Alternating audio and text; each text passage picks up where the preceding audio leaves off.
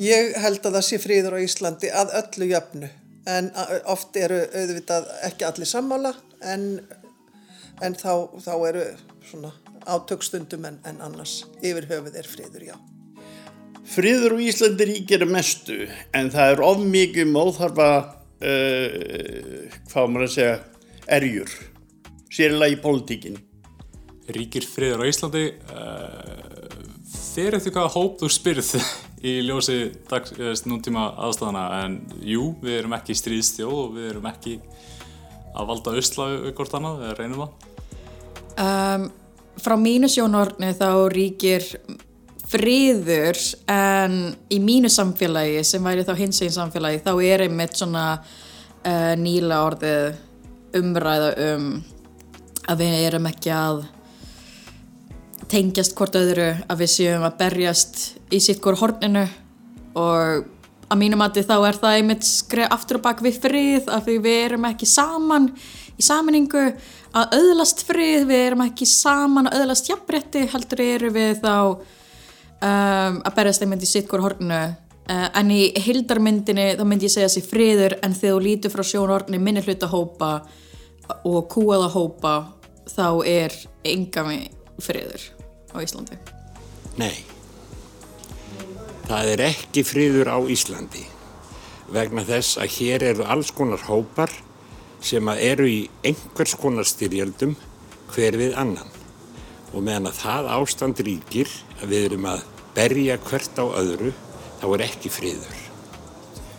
Já, ég myndi nú segja það að ríkir friður svona í, í kannski svona þrengsta skilningi en þetta er alltaf grund á átökum og, og deilum. Sko, hvort að það ríki friður á Íslandi eða ekki, ekki samkvæmt þeirri skilgreiningu sem ég var með áðan, að fólk gæti bara að, að reyna að lifa í sátt og samlundi, það gerum við ekki hér, en það er ekki stríð. Ég myndi segja að það ríki friður á Íslandi, það er ekki, það er ekki stríðsátök á Íslandi. Ísland uh, er svo heppið að uh, hafa landamæri sem ger okkur kleift að hafa ekki okkur einn hér. Það er rosalega mikill luxus. Samanborðið við mörg önnur svæði í heiminum er miklu meiri fríður á Íslandi eh, heldur, en, heldur en víða en eh, þetta er svo stór spurning og flókin. Það fyrir eftir því hvert þú lítur, hvað þú skoðar og við hvað þú, við hvað þú meðar. Ég tel það svo vera en auðvitað eru undantekningar frá því. Ríkir friður á íslenskum heimilum. Uh, maður hefði haldið já uh, en COVID hefur líklega sannað annað með auknu heimilisofaldi þannig að nei, því miður er það ekki í raunin Já, er það ekki almennt? Almennt myndi ég segja það, er ekki friður í íslenskum heimilum? Ekki samkvæmt því sem að lesi tilum Nei, það ríkir ekki friður á íslenskum heimilum, ekki á öllum íslenskum heimilum allavega hana þó sem betur fyrir að, að hérna er það held ég á flestum en ekki öllum. Ég, ég er ekki viss um það um, en það er þó kannski, ég er ekki viss um að það er ekki fríðurinn á íslenskum heimilum en þá er náttúrulega kannski komið aðeins strengri merking eða önnur merking í orði fríð en jú, ég minna ef skilgjörninga fríði er að fólk geti búið við öryggi þá getum við ekki fullirt að það sé friðurinn á öllum íslenskum heimilum. Það er aftur saman spurningin, hún er, hún er mjög stór. Eh, það reykir eh, friður á mörgum íslenskum heimilum býsti við en, en að samanskapi vitu við að það er, það er ekki svo öllum heimilum. Velkomin í annan þátt fríðar hlaðvarps, höfða fríðarsetus Reykjavík borgar og Háskóla Íslands. Hlaðvarpið er hluti af fríðardögum í Reykjavík 2020 en þeir eru haldnir árlega í oktober. Undanfærin ár hafa verið haldnar alþjóðlega rástefnur á fríðardögum en nú fer umræðan alfari fram á netinu undir yfirskriftinni er fríðurinn úti. Við byrjum á að heyra rattir vegfærenda eins og í fyrsta þætti en næstu mínútur verður sjónum beintað ófríði sem á sér stað inni á heimilum og innan fjölskyldna því að ófríður er ekki aðeins í skilgrendum stríðum og styrjöldum, hann er í öllum samfélögum manna, meðal annars inni á heimilum. Oftast er um að ræða kynbundið ofbeldi en rannsóknir sína að öll samfélög í heiminum eru þjökuð af kynbundinu ofbeldi og að það hefur mikil og víðtak áhrif á heilsufar, efnahag og félagslega stöðu hvenna. Ein af hverjum þremur konum hefur verið beitt ofbeldi einhver tíman á lífsleginni en um er að ræða útbreytasta mannreitndabrót heims en síðast lína 12 mánuði hafum 240 miljónir hvenna og stúlna á aldrinum 15-49 ára þurft að þóla ofbeldi af hálfu maka sangvamt UN Women. Daglega eru 137 konur myrtar af hendi maka eða náins fjöl, fjölskyldu meðlims þar að segja 6 konur á hverju einustu klukkustund allan ásins ring. Á Íslandi er það staðrind að á síðustu 17 árum var helmingur mandrópa tengd heimilisofbeldi. Yfirskrift þessa þáttar er því ófríðurinn heima. Hann er unnin í samstarfi við UN Women á Íslandi og í honum skoðu við stríð á heimilum sem ætti að vera okkar helsta skjól. Við ræðum áhrif þess á þólendur og veltum fyrir okkur hverjir eru gerendur. Hver sé rót vandans og hvernig hægt sé að uppræta ofbeldi kakvart konum fyrir fullt og allt. Við ræðum hér á eftir við unni Önnu Valdimarsdóttur og Örnu Haugsdóttur sem báðar eru prófessorar við Háskóla Íslands og aðal rannsakendur vísindaransóknarinnar áfallasaga Kvenna. Við ræðum við Drífu Jónasdóttur, afbrótafræðing og doktorsnema við Læknadelt Háskóla Íslands. En fyrst ætla ég að tala við Stellu Samuelsdóttur, framkvæmdastýru UN Women á Íslandi. Sæl og velkomin. Sæl, takk fyrir.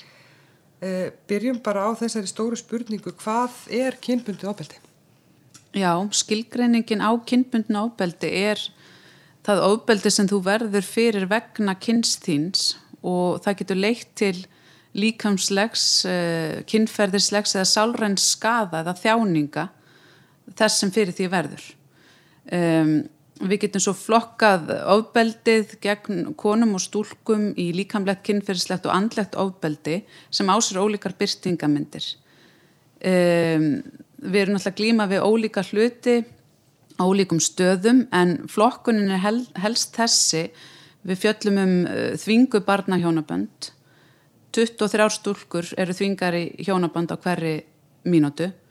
Við fjöllum um limlistingar á kinnfærum kvenna. Um 200 miljónir stúlkna hafa verið limlestar á kinnfærum það er mannsal og kinnferðislega misnótkunni gróðaskinni og þar eru konur oftast og líkamar þeirra notaðir.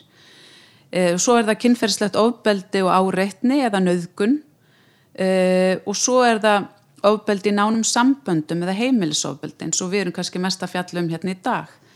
Og eins og þú nefndi réttilega að 137 konur eru myrtar daglega af hendi uh, náins fjölskyldu meðlims eða maka. Og á COVID tímum erum við að tala um það að þessi tala hefur náttúrulega náttúrulega hækka gríðarlega og við erum að sjá í löndum sem við berum okkur saman við alltaf 40% aukning þannig að þetta er stórt mannréttinda brot sem á sér stað inn á heimilum uh, út um allan heim um, Þú erum búin að fara vel og vandlega yfir þetta en kannski aðeins betur yfir byrtingarmyndir mm -hmm. kynbundins ábældis mm -hmm. Já, það er eins og ég, ég nefndi þessar, þessar flokkanir og til dæmis á Íslandi erum við ekki endilega að eiga við limlestingar og kynfærum hvenna eða þvingu barnahjónabönd eh, en við höfum ekki náð ennþá utanum heimilisofbeldi þrátt fyrir að hafa ymsar aðgerðir og, og vera að gera góða hluti eins og að breyta lögum sem mismuna konum á einhvern hátt. Við erum með neyðarlínur og kvennatkvörf og, og móttökur og, og lögreglan hefur lagt í mikla vinnu og, dómskerfið. En við hefum samt ekki náð uh, nógu góðum árangri og staðan er svo sama hér á Íslanda að eina hverjum þremur konum verður fyrir kynbundna ofbeldi eins og heimsvísu. Þannig að við þurfum að gera eitthvað rótækara. Takk fyrir það Stella. Fyrir rúmu ári laug fyrsta hluta gagnasöfnunar vísindaransóknar og vegum Háskóla Ísland sem nefnist áfallasaga Kvenna. Um er að ræða eina stæstu vísindaransókn á heimsvísu á þessu sviði en markmið hennar er fyrst og fremst að auka þekkingu á tíðni áfalla og áhrifum þeirra á heilsufar Kvenna. Fyrstu niðurstöður ansóknarinnar sína fram á að næri 40% Kvenna hér á landi hafa orðið fyrir ofbeldi á lífsleginni. Unnur Anna Valdimarsdóttir og Arna Haugsdóttir sem báðar eru profesorar við Háskóla Íslands eru aðal rannsakandur vísindaransóknarnar áfalla sag þennan og þær eru komnar hingað í hlaðvarpsþáttinn. Uh, velkomnar, takk fyrir að koma. Takk. Fyrstu niðurstöðu sína, eins og ég sagði á þann að nær 40% hvernig hafa orðið fyrir ofbeldi, komu þessa niðurstöður ykkur óvart? Því miður eh, komið er okkur eiginlega ekki óvart. Eh, þú veist, alþjóða heilbyrðismálastofnunin gaf út skýslu 2013 sem bendi til þess að á heimsvísu verði um þriðjungur hvenna uh, fyrir slíku ábeldi á lífsleginni og þessi tíðni hefur verið kannski bara einna hæst í norður Evrópu og í Skandinavíu. Og maður getur velt fyrir sér akkur er hún hæst þar, þar sem að kannski jafnbreytt er mest og, og hérna og svo framvegis. En, en kannski er það einmitt kannski vegna þess að, að konur uh, hérna uh, gera sér grein fyrir þegar þær hafa orðið fyrir ofbeldi og greina frá því mm. um, þannig að þessa, þessa, þessa niðurstöðu kom okkur e, í eiginlega því miður ekki á óvart mm. það var líka könnun hérna símakönnun 2010 sem var framkvæmt eh, og uh, voru 3000 konur sem söruðu þeirri könnun uh, á öllum aldri svipuðu aldurspili og okkar ansón og hún gaf nákvæmlega sömu niðurstöður. Mm. Þannig að því miður eiginlega kom það okkur eiginlega ekki óvart en, en þetta er sorgleg staðrind og eiginlega erfitt að horfast í auðu við hana. Hvað segir þú um þetta Arna? Já, ég er sammálað þó þetta hafi ekki komið óvart þá er þetta ótrúlega sláandi tölur og þannig að maður sér líka þegar við erum að kynna þetta annar staðar að fólki bregður svo mikið við þetta og bregður ennþá meira við þetta að, að þetta sé staðrind og þetta sé staðrind á okkar landi það sem jafnbreytti á að vera mikið að þarna, þetta er sjokkrandi en svo sem viðbúið með við það sem annar staðar er að gerast í heiminum.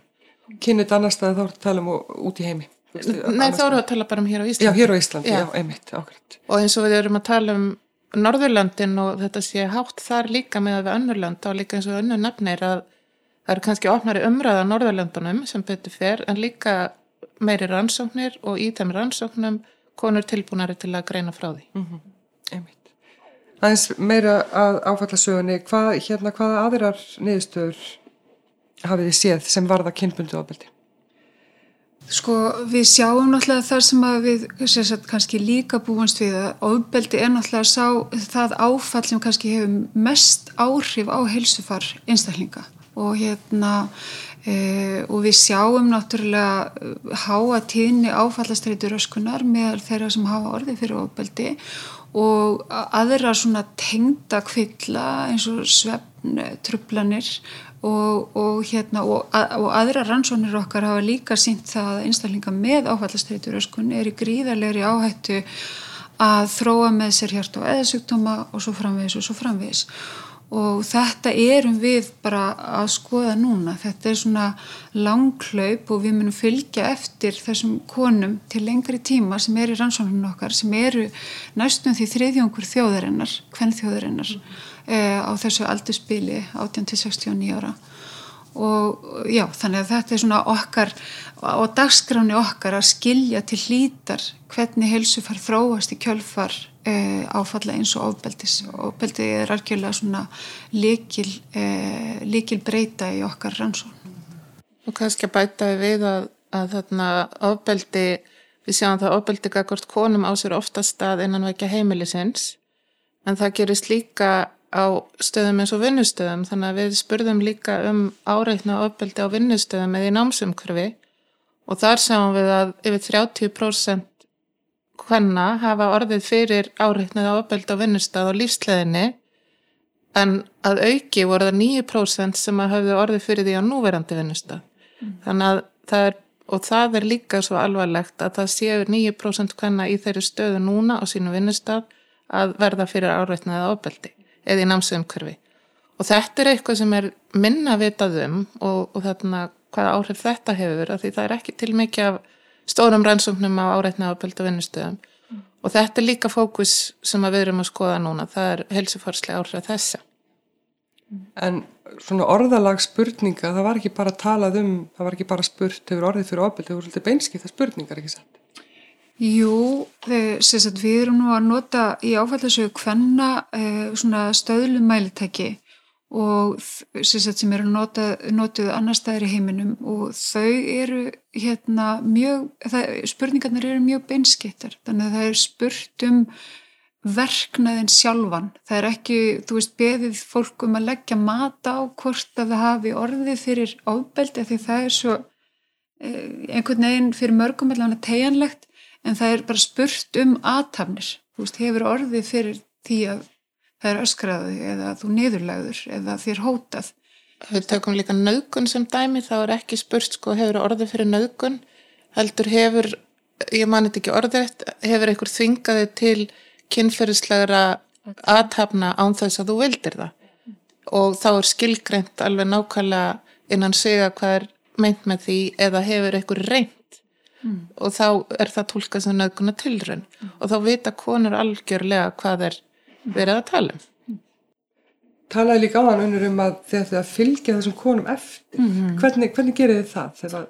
Við erum um þetta að undirbúa það núna og ætlum sér sett uh, á næsta ári, 2021, að senda konum nýjan spurningalista, uh, bæði svona til þess að uppfæra áfalla söguna mm -hmm. uh, og líka vegna þess að það verður mögulega breyting á henni að hérna á þessum tveimur árum sem að líða á mellið þessum konur svara uh, þannig að þá erum við að spurja mögulega um nýjar helsufarsu útkomur og svo framvegis og hérna, já, þannig að þetta er eitthvað sem við sjáum fyrir okkur að gera reglulega uh, já, að kannski tekja þryggja ára fresti mm.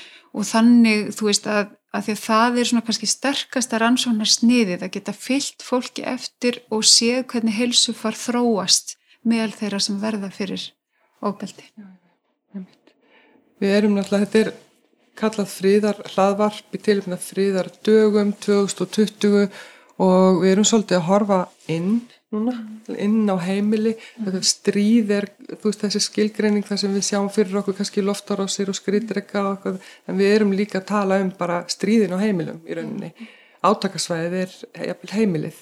Um, og í fyrra komu 240 manneskjur 140 konur og 100 börnin í hvernaðatkvarfið Mér langar bara að spyrja ykkur ríki friður á Íslandi ef við hugsaum þetta svona Það er náttúrulega mjög góð spurning og mér finnst þetta svo frábært frábæra nálgun sem að þið er að vinna með í þessari viku að þetta með friðin um, það sem við sjáum náttúrulega eftir að COVID byrjaði að það eru bara beinharðar tölur sem sína að ofbildi innanvekja heimilisins er að aukast. Mm. og það sjáum við bara í tilkynningum. Og það sem ég finnst ánægilegt í þessu er hvað er mikil aðtikli sett á það til dæmis á upplýsingafundunum þá er þetta reyfað sem alveru mál í þessum faraldri að reglulega koma við með komatölur, það er komið með þar upplýsingar að framfæra að þetta sé alveru mál í faraldrann. Við eigum að vera meira vakandi og það finnst mér svo ánægilegt að all umræða um þetta sé að vakna og aukast og ég er ekki vissum að það hefði verið þannig fyrir árum síðan. Þannig að þetta er svona það ánægilega og ég er bara mjög þakklátt fyrir það að, að fólk sem stendur hérna í framlýninu sé að orða þess að hluti. Ég veit. Unnur, hvað séum það? Jú, algjörlega. Við hefum náttúrulega séð uh, ekki bara á tilkynningum sko hérna innanlands til öruglu að hérna að það er að aukast heimilisofbildi en við sjáum það líka í hinnu alþjóðlega samhengi að, að hérna það veri skýrslur um og frettir um það að það sé aukast heimilisofbildi víða Uh, og það náttúrulega gefur augarleið sko langt mest af ofbeldi á sér stað innan vekja heimilisins.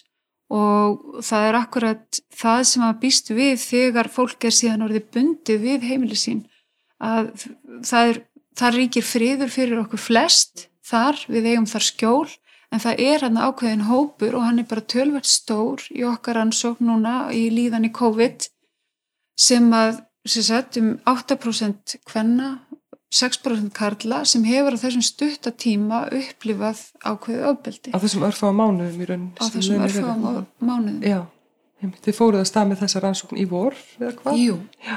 24. april. Líðan í COVID? Líðan, líðan þjóðar uh, í COVID. Já, einmitt. Og já, og markmiði var náttúrulega sagt, að, að skoða uh, líðan og helsufarþjóðarinnar og lífstíl og svo framvegis og alla þess að þætti fjárhagslegu þætti, fólk er að missa vinnuna, e, það er veist, e, hérna og akkurat þetta sem er okkar náttúrulega kannski hjartansmál sem er ofbeldið að skoða það nánar og við sjáum þessar tölur hjá okkur sem eru gríðarlega háar á svona stuttum tíma. Mm. Að þú veist að þú megið mögulega búist við því að eitt til tveir í bekk e, búi við það að það sé ófriður heima hjá þeim og þau eigi þar ekki skjól.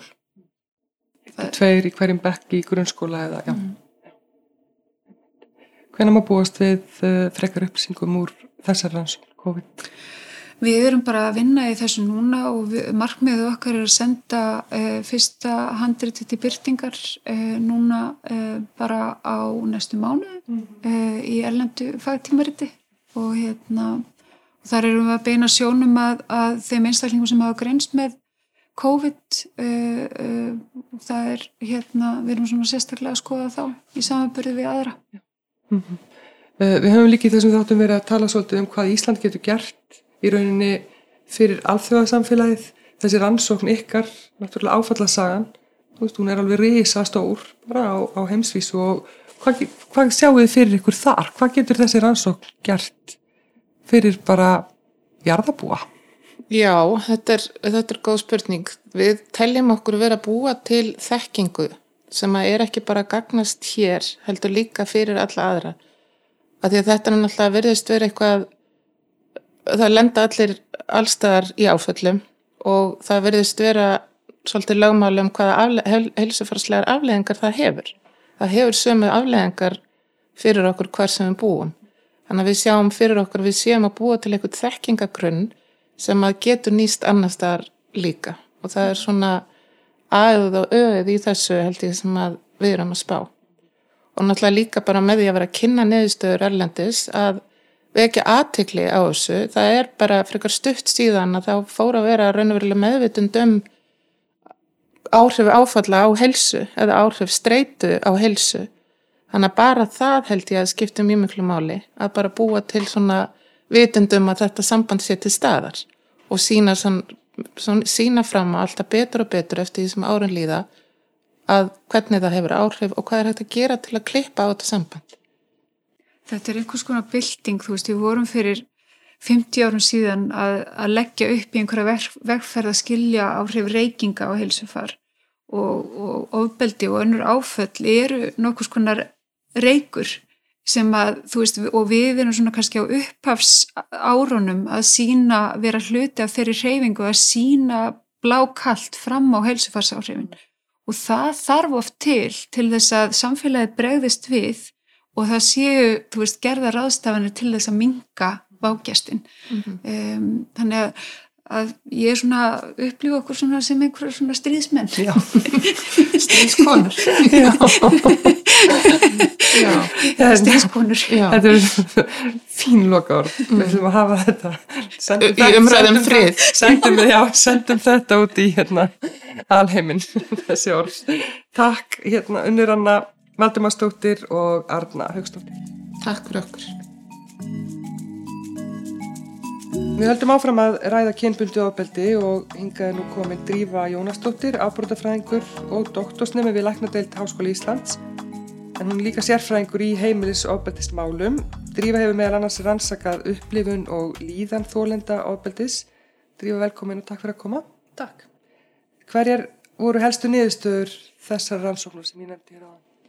Já, þetta var rannsókn sem var unnin fyrir kvennaðatkvarfið og hérna, langar svolítið svona að sjá að því að fannst svolítið svona sama sagan alltaf sem að konurnar okkar voru að segja. Að var þetta líðan og upplifun í, í sambandinu, byrjaði svona rosalega vel og, og lofaði góðu og þetta var bara aldrei svona sá hinn allra besti maður nokkuð tíma sem að hafiði hérna kynst en síðan einhvern veginn þegar fóru að halla einhvern veginn ógjáðlega þá kom upp einhvern veginn sömu atriðin og sömu þættirnir. Þannig að okkur langaði svona einhvern veginn að grípa það og búið til skýslu um það sem við gerðum og þetta er náttúrulega óformlegt kannski, setjum svona bara spurningalista á netið og þeir tóku þátt sem að þetta var ekki eitthvað lagskiptslempi úrtak í þjóðskraf heldur bara þeir tóku þátt sem vildi vera með og fengum hérna rúmlega 300 þáttakendur, skiptum í tvo hópa sérstaklega þeir sem að höfðu reynslu og höfðu ekki reynslu af heimilsofbeldi það kom bara mjög á að vera niðurstöður út úr þessu varðandi upplifun og líðan þessara kvenna í gegnum sambandið að, að hérna Það er svona já, uh, við báðum líka með þetta hvernig þið fannst svona hvernig týpur þeim fannst þessir menn vera. Meðal annars að nefna þrjá jákvæða pósta og þrjá neikvæða pósta sem þeim fannst. Og þessar konur sem voru, hafðu reynslu á heimilsopildi sögðu mjög margar um neikvæðu hérna svona persónuleika engin eða svona já, týpurnar þessa, þessa sína gerendur að þeir væri svona skapstórir og afbreyðisamur og stjórnsamur og stuttur þráður. Á meðan svona neikvæði punktarnir í hinum hópnum voru kannski utan við sig og óratvís eða bara pínu sögður eða svona pínu kannski latur, ekki dullur að taka til að heimilu, svona kannski krútlegri faktorar. Og samaskapið þá fannst þeim þeir sko svona jákvæðu þættinir þá var þessi sem hafðu, konur sem hafðu reynslu á heimilisofbeldi, þeim fannst þeir sínir gerindu vera svona ressi gaurin, bara rosa fyndin og skemmtilegur og, og hérna hrókur alls fagnar, það kom svolítið oft á meðan hinhópurum sem hafði ekki reynslu sagði, já já hvað er hlutið manni minn, hann er bara svona tröstur og tryggur og góður og ummyggjusamur og svona kletturinn í lífinu mínu, það var svona meiri rauðið þráðurinn þar og þetta var í gegnum öll atriðin sem við spurðum hvað hvernig leið þér sagt, varðandi bara svona kvíðan og veist, þá, þá ser maður líka að maður ber saman þessar tvo hópa að það er kvíði og, og, og sjálfs, kvíði fer upp og sjálfsleiti niður hjá konuna sem að voru með heimilisopildinnistuna að meðan það er omvend í hinn hópum sko, þá fer það svona upp eftir sem á líður í sambandinu þannig það er náttúrulega áhugavert að, að taka þetta aðeins saman. Þetta rýmar algjörlega við svona þegar konur eru að lýsa bara almennt hvort sem það er í Íslandi eða einhvers staðar annars það er í heiminu þetta er svolítið rosalega mikið svipað. Við spurðum meðal annars hefur eh, spurðum allar konurnar sömu spurningana. Spurðum hefur hann hótaða að sagt, skada sig, taka lífsitt út af því að fá okkur sínu fram? Og mér held að minni rétt að veri 0,8% af konunum sem hefði ekki þessi reynslu. 0,8% já, hann er búin að hóta því að bara, bara drepa sig ef við gerum ekki þetta heitt á meðan voru 50% í hinnum hópnum alveg svona sem að segja sláandi niðurstur mm -hmm. þetta er bara áhugavert að, að renna yfir það er svona eins og sko það hlæðist allar, allar svona jákvæðar, jákvæðar hérna, lýsingar sem lýsa jákvæðir í líðan bara það var hérna, mjög lítið hlaðið á, á, á, þau, á þær breytur hjá konu sem hefur einslega heimisopeldi aftur á móti mikið hlaðið á neikvæða breytur þú veist bara kvíðinn og, og leið og hérna, misti vínina það hlóðst þar inn fyrir konu sem hefur þessu reynslu og svo er algjörlega ámvend fyrir, fyrir hinhópin þannig að það er bara, já, þetta er áhugavert að taka þetta saman og geta það bara bent á það. Það var það 300 og ekki 70 margar konur sem tóku það, það var ekki bara einhverju fjórar. Mm -hmm. og hérna, þetta var bara sett út á heimasíðu kvennat og Facebook og, og fólk deildi þess út um allt. Þannig að mm -hmm. hópurum var alveg svona, svona svolítið kannski ekki, ekki alveg einsleitur en auðvitað þeir sem hafa áhuga að taka þátt. Þannig að kemur svona kemur svona ákveðin, svona ákveðin rödd sem kemur þetta fram en samt rödd sem á hlusta á, það voru margar konur sem að tjáðu sig um sína reynslu og svo báðu við líka konur um að segja hvað myndur ráðleika e, þar sem, sem hefur reynslu heimsókn hvað myndur ráðleika konur sem eru svipari stöðu? Þá er svona rauðið þræðurinn þar líka að, að hérna bara leitaði bara á það googlaði bara til, ef þið grunar eitthvað að sé eitthvað ekki alveg eðlilegt þó að hann sé hvað það rýfast alltaf allir? Það er alltaf upp og niður öllum samböndum. Þetta er ekki alltaf dansa rósum en ef þið samt líður ekki einhvern veginn vel í þessi sambandi hvað er þá að, þú veist, getur, er ekki alltaf í læg að ringja bara í, til og með sér hvernig að hvað að spurja bara, herðu, þetta er svona hjá okkur, hvað finnst þér? Ætti komið viðtal Já. og bara ræða málinn, það skadar enga, þú það hefur engar afleðingar í för með sér mm. og það er ekkert einhver svík að vera bara velta fyrir hlutur og maður á rétt á því að maður upplifir svona, mm. hlusta á sína tilfinningu það var algjörlega rauðið þræður nýja sem konur sem hafði þessa reynslu bara hættu að gefa þessu endalöysan sjans, þetta er bara full reynd, þó að þetta er náttúrulega rosalegt og það er, sko, ég tek hérna, hatt mér núan fyrir þessu konur sem að fara bara, fara bara frá sínu lífi, sínum manni og sínum bönnum og og húsin og bílnum og öllum, við ætlum að fara til Egiptalands þegar við erum orðin hérna orðin eldri og við ætlum að gera þetta og hitt og svo ætlum við að köpa bústæðin og bla bla bla.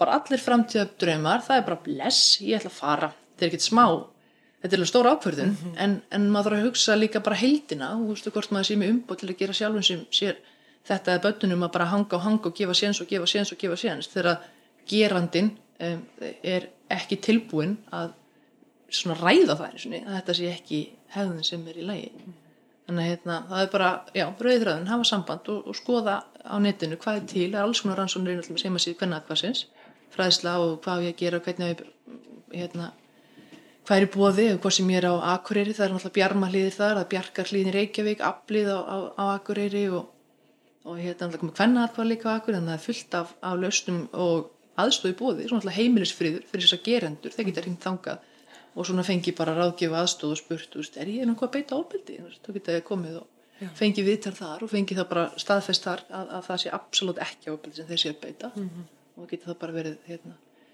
ánæði með, með það ef það er sérstaklega niðurstaðan að fara í, að hitta sérfræðingi á heimilisfriði og, og bara kvittiring og það sé alls ekki með neina hegðun sem er myndiflokka sem ofbeldi Þá einmitt gerendur, hvað, hvað koma Þeir, hvað menn er þetta?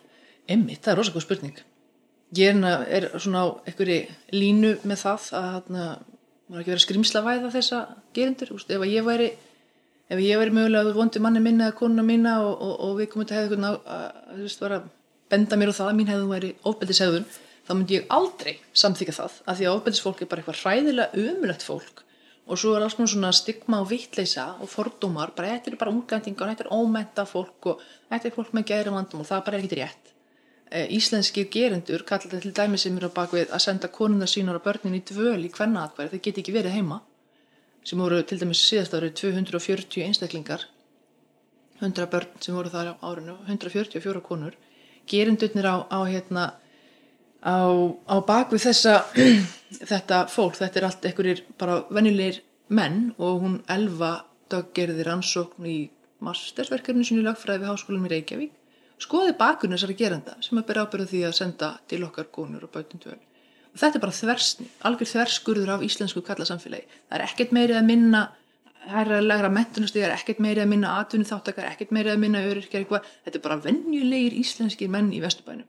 Það er það sem maður þarf aðeins að vera líka með eitthvað svona gerenda meðverkni, bara æja, hann átti svo erfitt, bara já, það er kannski útskýring á hegðunni hans, en hann velur að lifta hendin upp í axlarhæð og þrýsta hnefunum beint framann í konuna sína, Emma, makan þannig að veist, þetta er ekki einhvers konar einhvers konar flók sem að menn fá óvart og bara einhvers konar heila bilun sem að bara veldi því að þeir ganga berserskang eins og lauruglan hefur líka allir nefnt það að þeir koma á vettvang heimilisofismálu og þá er bara tölva konunar ónýtt, sími konunar er ónýttur, einhver erðagripur frá konunni er ónýttur, en allt þeirra, Samsung símin þeirra og iPadin eða eitthvað það er allt heilt. Þannig að það, það er, er eitthvað skýr hugsun þannig að já, þetta. Er ekki fullkomið stjórnleysi eins og oft er sagt já, um, ég fæ nú alveg sko, ég æsist alveg upp er að missa stjórna því að minna, missa stjórn það er bara eins og maður missir sko, missir þvag, missir stjórn eða færi svona flóðakast, ég get ekki búið ábyrð því ef ég fæ, fæ hérna, eitthvað svona svoleiðis stjórnleystis kast yfir mig, en það að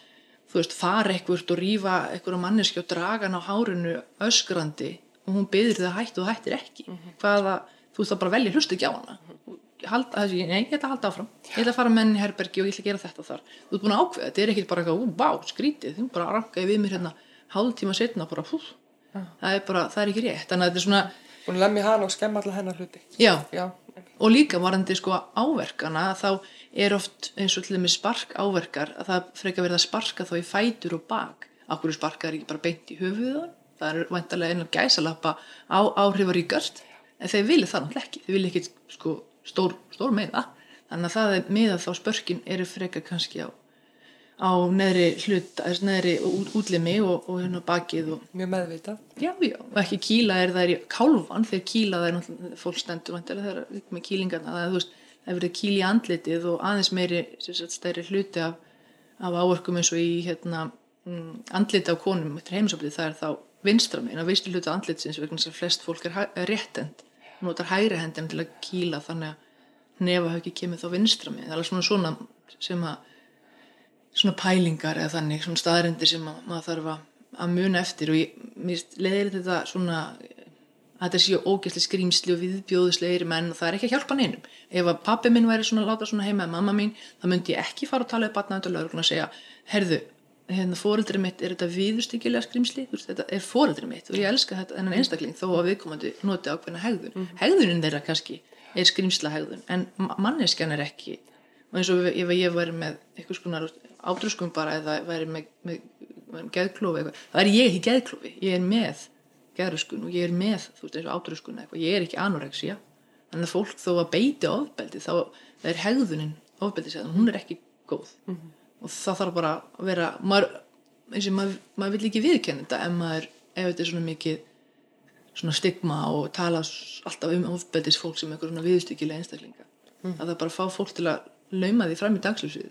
menn þú sér engan geranda, þú veist það eru hundrað eins og er fullt af fólki að koma neyri hvenna hvar lauruglan fór í 900 eitthvað heiminsóbildi útkvöldi fyrra, bjargalið brjála að gera það 5-600 vitur, allt mjög mikið 85% þar heiminsóbildi sem á skilgrinningu, mm. hvað eru þessir gerandur? Hvaða fólk er á bak 900 útkvöld, það eru 900 gerundur og hérna, 144 konur í aktverðinu, það eru allar menn sem að beita þessi ofbeldi en þe- það kemur enginn gerandi fram og segir hæ, hæ, góðan daginn, ég heiti eh, þetta og ég er ofbeldismanniski og ég beitti maka minn og börn ofbeldi. Ég hef ekki sér þetta svo leið sko. Eða fá. Það eru fríðardagar og uh, til þessum leikurinn gerði þetta hlaðvarp meðal Mhm. annars. Um, 240 sem komu í kvennaðatkvarfið í fyrra, þessu ári. Í fyrra, Í fyrra, 2019, já. 240, og sagði hvað, 140 100 börn, konur og 100 börn. Um, bara það að sé kvennaðatkvarf þar sem 240 manneskjur leita í skjól uh, í fyrra, ríki friður á Íslandi. Nei það er ekki friður á heimilinu hjá þessu fólki, þetta er líka svo mikið afleitt vittleisa af þessu. Og hvað hérna og, og hvað þú stóðu farir í atfara og svo fyrir það heimið, þú ert búin að búa við þetta sem barn, þú ert búin að búa við þennan sko terror og trilling, þó varst ekki daglega einhver, eitthvað líkalegt ofbeldi og einhverja kýlingar, það er bara mikk sko afleiðingar á andli ofbeldi. Það er það. Sem sína það, þær eru oft bara alvarlegri og meira langvarandi.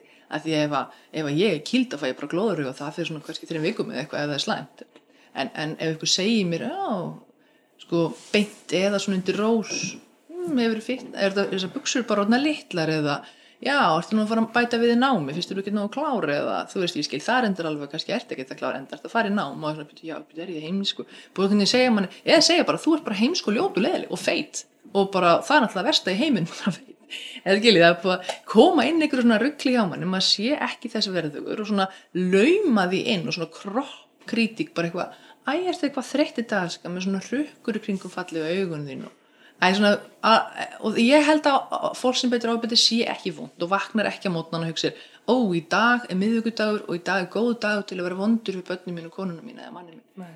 þetta er bara einhvern veginn, og ég aftur, ekki eitthvað gerir þetta með þetta bara ægrein, ráð ekki við þetta en þetta er einhvern veginn svona bara hvort sem er meðfættið án eða hvað, eitthvað samblanda hjá þessum gerendum að hérna þeir láta manneskjun einhvern veginn líða þannig að hún sé ekki neins einhvern veginn virði oft og, og þá er auðveldar náttúrulega að láta hann að sætta sig við að vera bara hjá manni.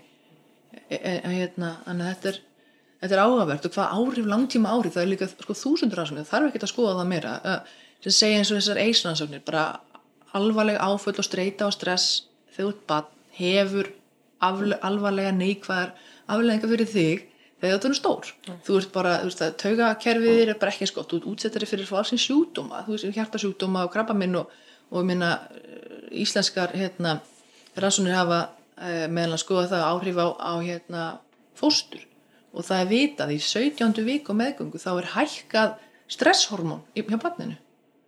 Það er búið að mæla það, það er bara því mamman er alltaf undir stressi að, að þá er barnið bara stressað í móðukviði og þá náttúrulega verður það væntarlega það er bara neikvæðri útkoma í fæðingum hjá þessum konum varandi að alla þætti sem hafa verið mældir og, og hérna þannig að það er meiri líkur á yngribyl og lægri fæðingaþyngd og bara meira vesen fyrir þessi börn. Þannig að þú setur ekki bara það eins og byrtingamindin sem er bara fáranlega þau eru alltaf þetta fólk að koma til ykkur sem er samt gott, fólk á að koma til ykkur í en hérna þetta er alveg fáralegt að, þessi, afleitu áhrif og hvernig gengur þessum krökkum í skólan kannski ykkur þrjúfjör sískina heimil það sem er allt í steik bara aðra hverja helgi eða einu svona árið, þú veist aldrei hvernig þetta er. Það er svo óþróndi líka, ef þetta væri bara hefur mánudögum þá er alltaf allt í steik hér en að daginn er þetta bara gott. Þá veit ég það bara, millir 5 og 6 á mánudögum er allt í steik gengi að því, þetta er bara eitthvað tíman miðan nótt, um jólin, þau spenna eitthvað slags, eins og var þetta með meðgönguna áðan og fæðingar, að þá er mjög hérna, er algengt að fyrsta skipti sem á ofbeldi beitt það er konur ólétt og það er líka oft svona stigmögnun á ofbeldi þegar konur ólétt það með, getur verið meðal annars út af því segja svona rannsóknir að, að hérna núna konan allt í hennu bara heyrði, ég get ekki verið að standa í þessu sko bara vaka lengi og þvælast þarna eða ykkur var þetta kynlífið þannig bara ég bara meika þetta, ég get þetta ekki, ég er ólétt og ég þarf bara að kvíla mig. Og líka það að kona fyrir ekki ofta að tala við mömmu sína eða opnar aftur á fjölskylduna sem búið, kannski búið að loka svolítið á það er ekki mömmu henni, hún er ekki alltaf full og vittlis og þessi vinkunni er alltaf ekki smá lausláttar sko.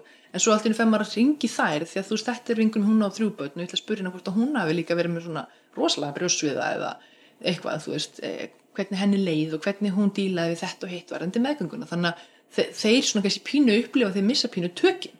Að það er ekki bara allt eftir svona svolítið mínu höfði. Þó að endilega eins og óbyrðis menn er að vinna líka í hvenna aðkvarðinu þó ég sé ekki hér að tala sem starfsmaður aðkvarðsins að hérna heldur bara sem ég að, að þeir hérna E, já, þau kom, kom, kom, koma þess að hjá þeim einhvern veginn allan tíman að allt sé slæmt og ræðilegt og þú svo bara verið með mér og verið sem næst mér og ekki vera að tala við viniðin og ekki vera að þvæla og ruggla og svo losnar þetta aftur, heit allir ofbyrð sem að gera þetta en og losnar þetta og þá einhvern veginn fara þeir pínu pat sko, þú veist að, að, þau eru einhvern veginn að herða tökinn eða einhvern veginn svona. Og náttúrulega já, þær eru ekki tilbúinar í einhvern veginn bara þvælast eitthvað stáður eftir þeim og skuttlast og græja að gera, þær eru bara þreyttar og bara grátandi geta ekkert verið að standa í ykkur svona endalisum eitthvað hlaupum og eftir, eftir þörfum mannsins sko. Drífa, þú hefur líka verið að rýna í sjúkragögn uh, á landsbyggðanum. Já. Hvað hefur komið út af því? Uh, það er hluti af þessu doktorsnáðu mínu við erum að skoða umfangaðilega og kostnað uh, á, eins og byrtist í gögnum á, á spítalanum þegar að konur eru að koma þanga með líkanlega áverkat og heimisofbeldi og fyrsta greinin okkar var byrt núna í april og þetta eru um 150 konur meðallega ári sem eru að koma á bráðamótökunni fósvegi eða á spítalan með áverka eftir heiminsofbeldi og við vorum með mjög strönga kríteríu þannig að þetta er bara ef konan saði hreint og beintandi maður minn sem gerir þetta. Þetta var ekki allar þessar svona löngu sögur sem er svona mjög lík þetta hefur verið heiminsofbeldi, þetta er bara ef að konan sagði maðurinn minn eða sambilsmaður basfaður eða kærasti gerir þetta þá sett, skrá, tóku við það með í rannsóknuna mína og við erum heldur ekki að taka sagt, börn sem gerendur eða, eða foreldrar, þetta er bara makar. Þannig að þetta eru kærastar og sambilismenn og eiginmenn og bastfeður sem eru já, nánu, nánu, já. Sem eru að, hérna, eru að senda þessar konur á bræðamótuguna í, í, hérna, í aðhlýningu þar. Og skoðum sérst, bæði komur einlagnir kostnaður mjög mikill, þetta er 10 ára undir og 105 miljónir og þetta er bara svona rött toppurinn af ísækjan og það er alveg vitað og það er þess að rannsóknir eins og ítalskar og sænskar sem hafa fundið út að umfangið er mikið mikið meira. Allt upp í tífalt, þannig að þetta er það kannski 1500 konur á ári, maður veit ekki. Og við erum bara að skoða landsbytalan, stókum ekki heilsugjastuna, þetta er bara, það maður þarf að hafa fókus og gera allt í einu. En þetta er hérna greinlega mjög mikið. Og áverkarnir hvernig það er eitthvað svona mít, þetta sé eitthvað svona sundbóla áverkar eitthvað þar sem er að fela, það er bara ekki rétt á langmest af áverkunum á höfði og á, á höndunum og konum var að koma 5% voru með eitthvað beinbrot. Og hérna langmest náttúrulega svona yfirborskrámur og mar svona driftum líkamann veist, með kannski glóður og ebroti nefiða eða hérna e, búið að rífa hárið af og svo oft með búin að detta á olbón, það er með mar á olbónum einhvern veginn og svo oft með kannski handafarið með úliði, það er svolítið svona við skoðum líka aðferðarflæðinu við að veita áverkan. Kýlingar og spörk, hrindingar en 10% kirkingar þannig að það er líka áhugavert að 10% kirkingar? Já, 9,8% áhugavert að Hvernig getur þú greitt þá áverka?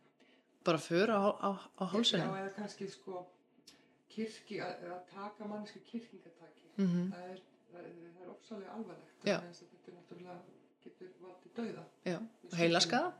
mikið af bandarískunar sem er að skoða það bara brain injury út af bara heiminsofbildi þið, er, er það að við sé það hér? Uh, sko, ég... Erum við aftur komin að því sem vorum að tala um áðan með stjórnina? Já, ég held að það sé, þetta er svo frábært innan gæslafa aftur, frábært stjórntæki yfir líf einhvers. Ég held, og ég er náttúrulega oftast er að því ég er sko, konur til 200 kallar sem gerur þetta aftur til að hafa fókus, ég er alls ekki að segja að konur beiti ekki ábeldi, en, en hérna, það er alltaf yfirleitt endar af öðrum toga, meira andlegt og svona, það er ekki þessi, þessi bannvænu, bannvæna byrtingamindi eins og kannski karlar eru líklega til þess að beita sínar konur, en uh, með þessar kirkingar, já, það, þú hefur algjörð stjórnum viðkomandi og ef þú ert sterkari þá heldur þú bara aðeins um hálsin og þú þarft ekki að gera neitt mikið meira. Viðkomandi finnur að, að, að, að hún er að sko bara loknast út af og ofta mitt bara missa það, að og svona. Þú bara missir stjórnum við líkamannuðinum þú bara, hvort þú missir meðfndi ekki, við tókum bara kirkingatak og hálstak og hvort sem það var svona eins og eitthvað svona sko glímu hálstak með, með hendin eða bara með höndunum, þú tókum með höndunum sínum utanum hálsinakonun og þrengdu að þær voru já með, með áverka eftir, eftir svona kirkingar í stórum, stórum hluta við rauninni. Já, 10%. Já. Fleira í þessum gögnum? Uh, nei, ég er bara áhugavert að sjá að þetta rýmar ja, flest af uh, okkar niðurstöður, rýmar við bara líka erindar niðurstöður, bæði hvar áverkarnir eru, hvernig eru tilkomnir, einlagnar, hlutfall og, og hérna, lengd einlagnar og þetta er náttúrulega alveg frá því að vera með minni hátar svona, svona skrámur og mar sem er náttúrulega fáralegt samt líka, menn ef ég myndi veita því eitthvað skrámur og mar, þú myndi náttúrulega bara kæra mig, þá þessi minni hátar, það er samt alvarlegt. En, en hérna, og svo alveg uppi bara höfgúpubrót og kynbeinsbrót og fótbrót og, og hérna alls konar alvarlega áverka sko, og heilaskaða og hérna bruna og, og alls konar hörmulega áverkar sko. Og þetta er náttúrulega bara aftur byrtingmyndin og kostnaðurinn það er bara þetta sem að spítalinn eins og þetta keir út úr hagdelt spítalans. Ég er ekki að taka hvað með allt sjálfræðviðturinn hvað með kannski, þú veist, innlög bara eins og reykjalöndið eitthvað bara að fara ykkur endurhefing og líka má sál eftir að maður lendur í svona líkansára og svo hálfum maka. Og hvað með kannski að fá hérna, frí í vinnunni, tapa, það er rosalega mikill kostnöður og það er líka búið að gera erlendi svona, alls konar svona áættanir varandi það að taka svona alvöru bara rá, eða svona stærendir eins og þessi gögn eru. Og, hérna, og búið síðan til hvað er það hvað er það heildinu þetta er bara kostnöður við stærsta hérna svona spítalinn sem tekur allar hérna, greinar á, á landinu og hann er 65% af því fólk sem býr hér. Hvað er þá átt að áætla á, á, á landinu? Séu margar þar og hvað, með helskjöldunar og hvað þá með tapaða vinnu og hvað með börnin sem að hvað líði þeim illa, hvað kostar það að börnum líði illa heima þessu en þetta er, er ríðalegur kostnæður fyrir samfélagið